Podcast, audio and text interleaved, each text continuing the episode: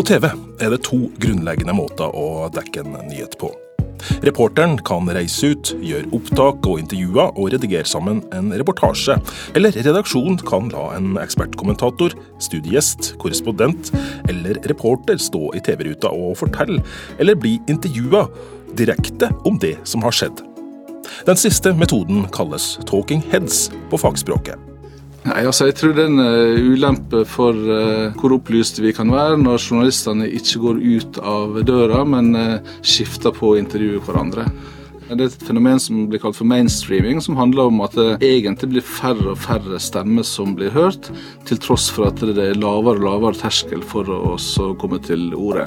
Arne Krumsvik er sjef for Institutt for media og kommunikasjon ved Universitetet i Oslo. Og den neste lille halvtimen vil du høre at han er en av flere mediepersonligheter som er kritiske til det mange mener er en økende bruk av såkalte snakkende hoder i media. Det her er Kurer, som i dag setter søkelyset på hvordan nyhetene på TV blir formidla. Jeg heter Lars Erik Ertsgaard Ringen.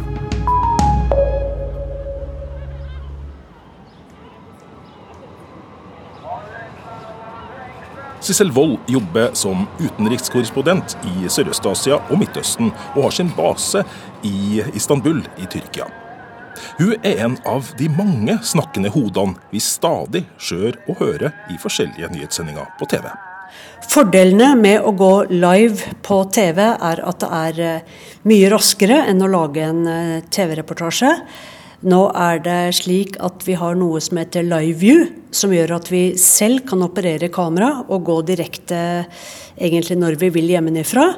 Det er mye, mye billigere. Det går bare på nettet. Sånn at uh, utgiftene er ikke sånn som det var før, da det kanskje kostet 1000 dollar for en direkte rapport. Og så er det mye mindre forarbeid enn en reportasje. Uh, jeg bruker f.eks. kanskje en time på å forberede meg, på å lese meg opp, på å snakke med den som skal intervjue meg, for å finne ut hva som er viktig å få frem.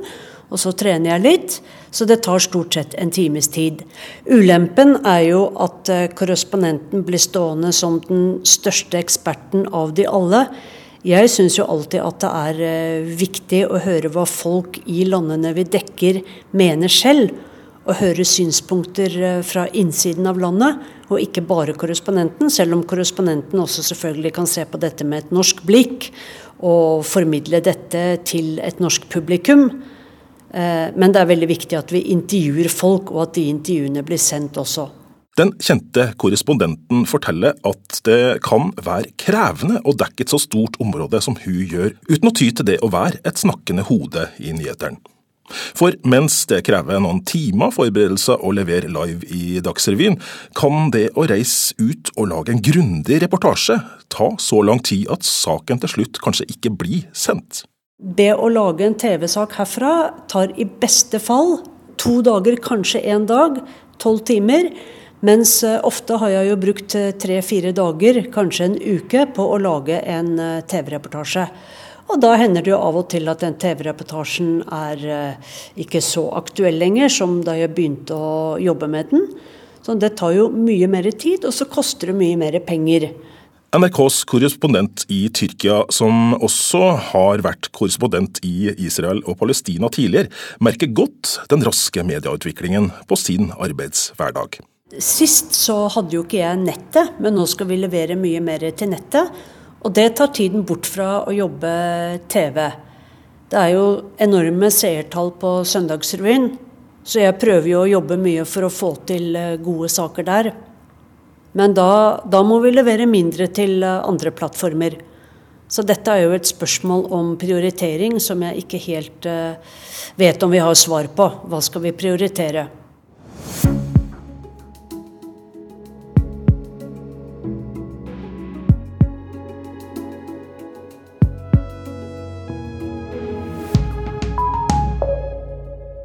Finn H. Andreassen er ingen hvem som helst i det norske TV-miljøet.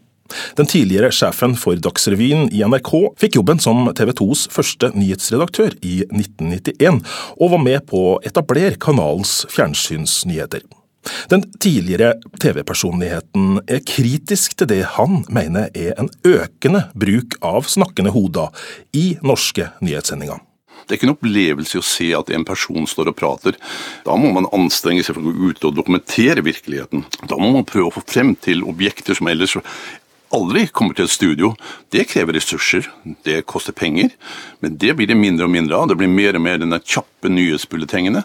Så den rasjonaliseringen som etter hvert har skjedd, har gjort at den journalistiske innsatsen er blitt mindre, etter mitt skjønn. Du kan gjerne ramme det inn med et uh, talking head i forkant og i bakkant, men det er viktig at du har levende bilder og har reportasjer, på TV i hvert fall. Du kan bli oppdatert på nettet til enhver tid om nyhetsutviklingen.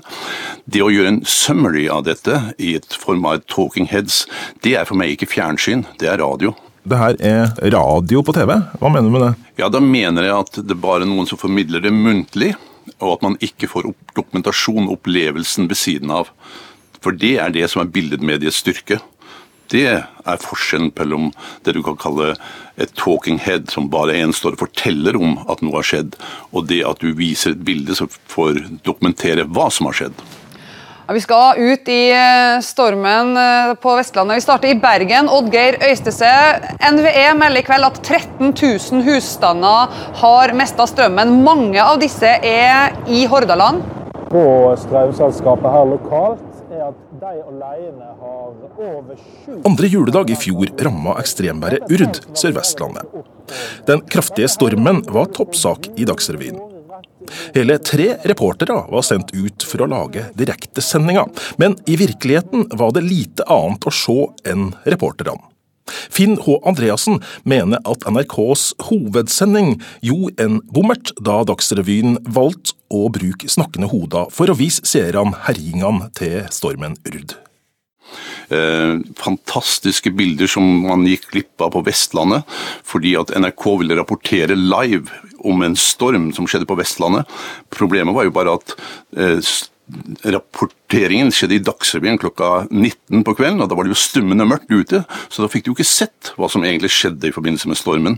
Og da er det begynner å bli et paradoks at du må ha en live-reportasje, når du eh, egentlig kunne ha fanga opp bildematerialet på forhånd og så hatt en virkelig god dokumentasjon på det som skjedde. Ja, og Reporter Hans Petter Reppe, hva skjer eh, der nå? Det er mye svart røyk bak deg, ser vi. Ja, du, du nevnte dette med skarpskyttere, og vi, vi hører jo innimellom eh, noe som ligner på et geværskudd, også etterfulgt av et drønn, som selvfølgelig kan være en, eh, en gasstank som eh, eksploderer. Ellers all denne svarte røyken, akkurat hvor giftig den er, har ikke jeg klart å finne ut. Eh, det kommer sannsynligvis fra plastprodukter, for det er en bedrift som har et lager her som produserer søppelbøtter i plast. Det kan jo stemme med denne mørke røyken som velter opp bak meg her. Et annet eksempel som Finn H. Andreassen mener viser at en snakkende reporter kan gi dårlig TV og journalistikk, er en brann i en fabrikk utenfor Tønsberg for en stund siden. Ifølge den pensjonerte nyhetssjefen slet reporteren med å skaffe seg informasjon om det som skjedde i bakgrunnen. Og Han var sendt av gårde og jagd av gårde, og han skulle gå live. Og han, han sto der og fortalte ok, jeg ser det brenner bak meg, jeg ser røyken kommer ut, men egentlig så står jeg her, jeg har ikke nok informasjon, så jeg vet ærlig talt ikke hva som skjer. Og det er noe av det som er problemet hvis du skal rapportere live. Det at du må ha tilgang på informasjon.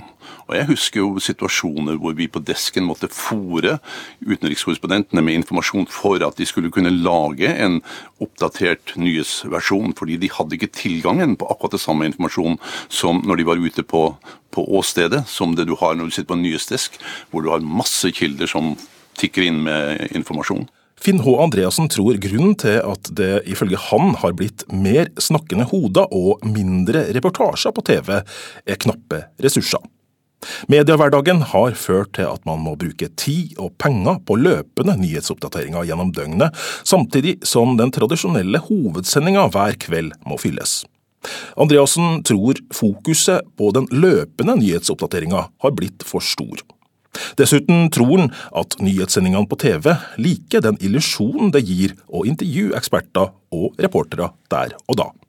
Man ønsker jo at journalisten skal stå på en arena eller på et sted hvor du ser at han rapporterer fra, fra den plassen hvor tingene har skjedd. Du bygger en illusjon av at nå er vi virkelig til stede for å rapportere, men av og til er det begrensa informasjon den journalisten klarer å få der vedkommende står og rapporterer.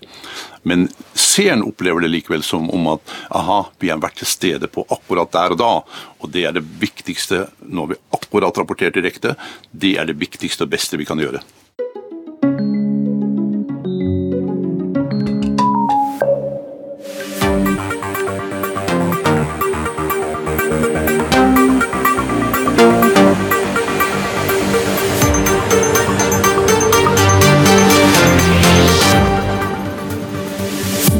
Politiet mistenker at selvmord... Kyrre Nakkim har akkurat overtatt som programredaktør i nyhetsavdelinga hos NRK. Det betyr at han har ansvaret for Dagsrevyen og de andre nyhetssendingene på TV. Han reagerer slik på kritikken fra sin forgjenger Finn H. Andreassen. Altså, det er fint at noen er tilhengere av den gode, gamle reportasjen. For den er viktig. Den er viktig i forhold til TV-media. Den er viktig i forhold til å, å kunne uh, fortelle gode historier. Uh, og så tror jeg at han bommer litt fordi uh, han studerer litt noen enkeltsendinger istedenfor å se helheten i det, i det, og den mengden vi produserer.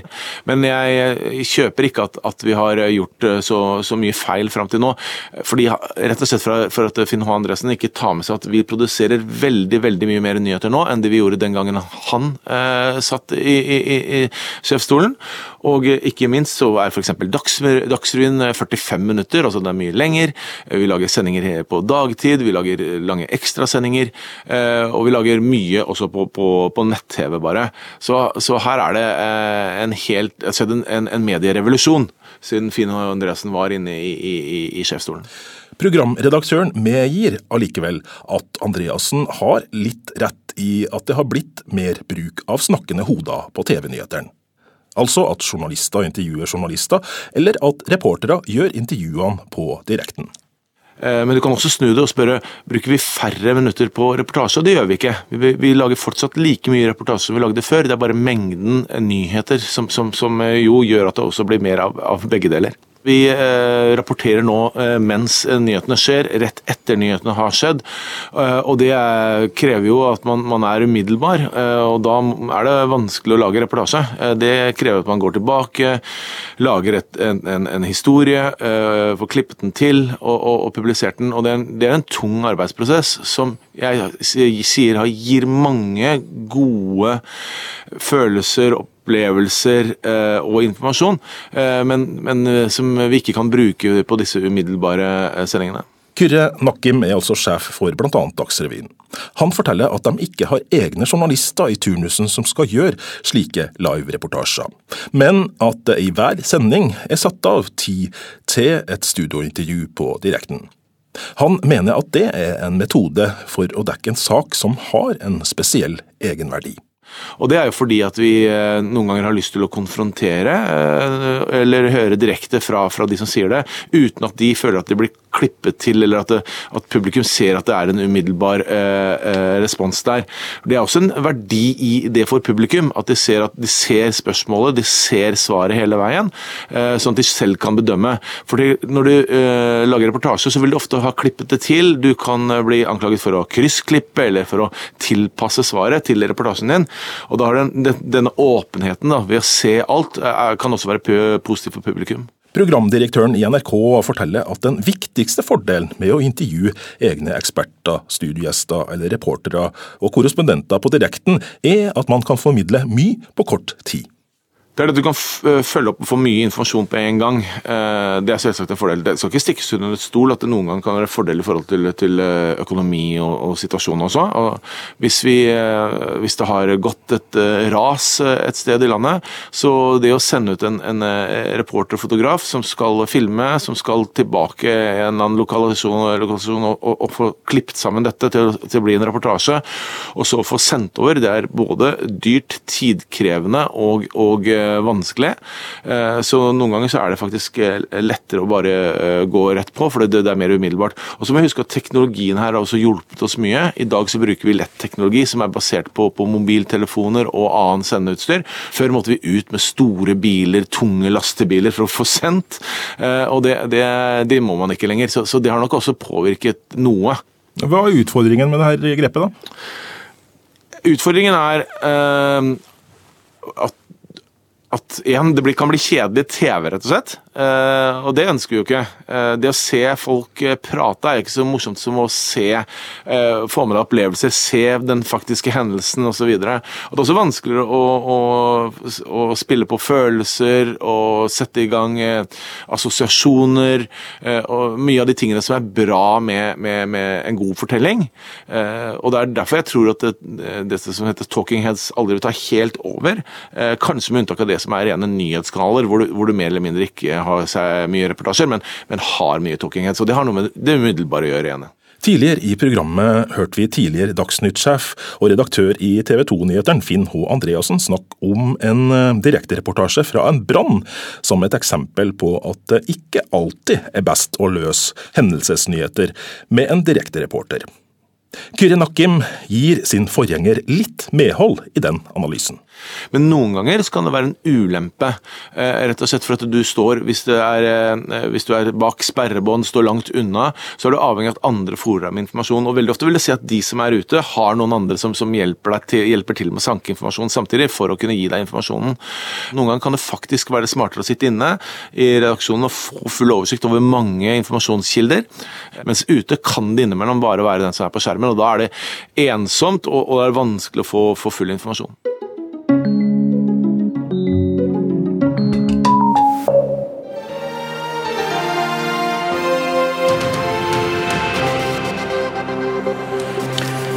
Riktig god formiddag. Du ser eh, TV 2 eh, Nyhetskanalen. Velkommen til en ny halvtime sammen med oss.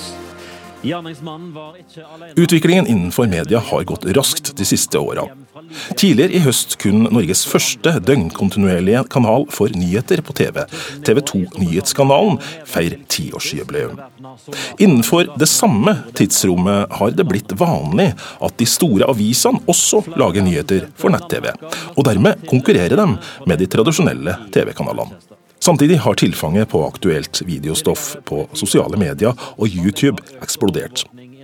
Arne Krumsvik er leder for Institutt for media og informasjon ved Universitetet i Oslo, og bekrefter at det faktisk er mer talking heads på TV nå enn før. Ja, vi har fått mer og mer av det. og det, Grunnen til det er at eh, vi har fått større konkurransenyheter. altså Nye medier har kommet.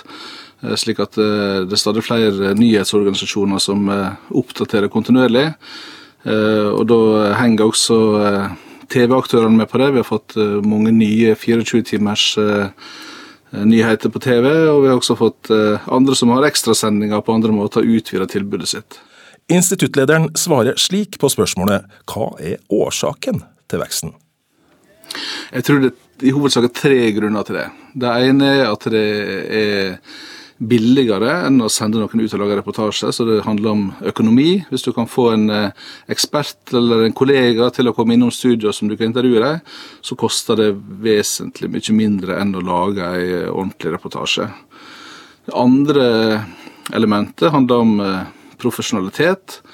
Altså Intervjuer du en kollega eller en ekspert som er medievant, så får du noen som kan formatet, og som kan stille opp eh, live uten at man kan risiko ved det. De vet hvordan eh, denne dialogen skal fungere for at det skal bli bra i den kanalen de er. Og Det siste handler om at det er mer dynamisk. Altså Når du sender direkte, da, time etter time, så kan du la samme person komme innom og kommentere sist eh, mikroskopiske utvikling av saka, i stedet for at du kanskje må ut og lage en ny reportasje eller redigere om en gammel reportasje. Så disse tre tingene her henger delvis sammen, men det handler også om økonomi, profesjonalitet og det å kunne være oppdatert eller dynamisk. Arne Krumsvik sier at det er riktig at det å bruke direkteinnhold på denne måten skaper en følelse av at det er ekstra ferske nyheter vi får servert. Det er en måte å fall skape en eh, opplevelse av at en sitter der og hele tida er på hugget og får siste nytt. Eh, for det er klart, eh, hvis hvis det er en, en seer som da ser samme reportasjen for tredje eller fjerde gang, så, så får ikke du formidla den opplevelsen av at vi er på og følger med hele tida. Men, eh, men eh, har du da en, en, person som du kan eh, ha i studio og samtale med, så klarer du å skape den der opplevelsen av å hele tida være på siste utvikling i saken. Ja, Lars Nehru Sand, Allerede før valget så stiller altså SV-lederen krav for å støtte Støre som statsminister. Er det en god strategi? Det er en dristig strategi, både fordi det, er, eh, det kan være smertefullt for partiet å løfte frem fire saker. Men hvem er det som høres i nyhetene når journalister oftere og oftere intervjuer journalister?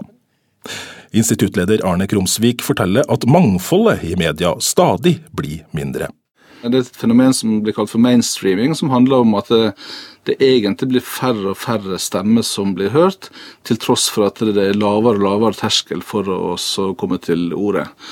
Dette ser vi også på, i profesjonelle nyheter, at det er korrespondentene som er ute og skal rapportere hjem igjen, bruker de trygge, store Eh, aktørene, i stedet for å bruke veldig mye tid og krefter på å verifisere om eh, alternative kilder faktisk eh, har noe vedgjort å komme med. Det er jo en utbredd forestilling i dag at media tilhører en elite som ikke slipper til stemmer til folk flest. Hva tenker du om det i, i denne sammenhengen?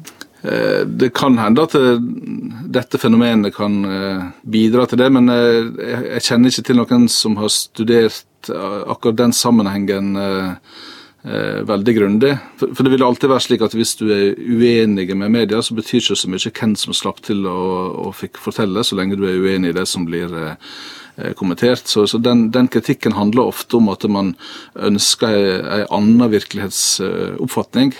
Eh, og at man er litt eh, frustrert over at media forklarer virkeligheten på en annen måte enn en oppfatter den sjøl. Så jeg er ikke helt sikker på om det henger helt sammen, men det kan være en sammenheng. Men det må jo være et poeng at media foretrekker å intervjue seg sjøl eller veldig medievante folk som går igjen gang på gang? Ja da, og det, det har de for så vidt eh, eh alltid gjort. Men tidligere så reiste de ut på kontorene til disse her ekspertene og maktfolka. Det fenomenet har på en måte vært, konstant, men det er klart det, jo, det blir jo forsterka og kanskje til og med kan det framstå som litt eh, lettvint at en sitter og intervjuer sin egen kollega i stedet for å intervjue noen andre. Krumsvik tror resultatet er at det journalistiske sluttproduktet blir dårligere. Nei, altså jeg tror det er en ulempe for uh, hvor opplyste vi kan være når journalistene ikke går ut av døra, men eh, skifter på å intervjue hverandre. Jeg tror det har en verdi av å komme seg ut, være der det skjer, snakke med de folka det angår. Eh, det gir en helt annen mulighet til å eh, rapportere, også til å kunne være grunnlag for å stille kritiske spørsmål til de som skal ha kritiske spørsmål, og være der det faktisk skjer. Programredaktør Kyrre Nakkim i NRKs nyhetsavdeling ser utfordringa i det at enkelte ser på mediene som en elite som bare intervjuer representanter for den samme eliten. Vi skal ta den kritikken innover oss. Det kan være noe, eh, noe riktig i det. Eh, og Det er en av grunnene til at vi i NRK legger litt om også. Eh, vi kommer til å lage et program nå neste år hvor vi kommer til å, fokusere mer på å la vanlige folk ute i Norge få til å, være med, snakke direkte inn i, i, i mikrofonen og, og være direktegjester også. Det et program som kommer til å delvis erstatte Norge i dag. Et uh, program som har reportasjer som møter uh, vanlige mennesker. Jeg tror at hvis du bare uh, slipper til, til eliten, så, så, blir vi for snevre. Men gjennom disse store kanalene våre så prøver vi å nå så bredt som mulig. Det er en av NRKs suksessfaktorer. Mye tyder på at den nye mediehverdagen, med de utfordringene den gir, er i ferd med å forandre nyhetsformidling på TV. Behovet for å være umiddelbar og rask konkurrerer med behovet for å være grundig og grave og gå i dybden. Tidligere i programmet hørte vi at den tidligere sjefen for både NRK og TV 2s TV-nyheter, Finn H. Andreassen, er bekymra for at fokuset på det å konkurrere med internett og radio, på det å være rask, kan gå utover de tradisjonelle reportasjene, der konkurransefordelene til TV blir utnytta. Han mener at fremveksten av Talking Heads-nyhetsdekning kan være et tegn på at fjernsynet som nyhetsleverandør sliter med å henge med. Nei, jeg tror de, de, sliter. Det er helt tydelig at de sliter. Og det har litt sammenheng med hvordan folk konsumerer nyhetene. Det er jo bare den eldre generasjonen som setter seg foran TV-skjermen og ser på nyhetene nå. Så TV-en har som sådan som nyhetsformidler en stor utfordring. For å ta den samme plassen som de hadde før, tror jeg ikke eh, de klarer å oppnå engang. Jeg tror selve TV-nyhetsformidlingen kommer til å bli mindre viktig, og nyhetsformidling og mobil og nett blir viktigere og viktigere.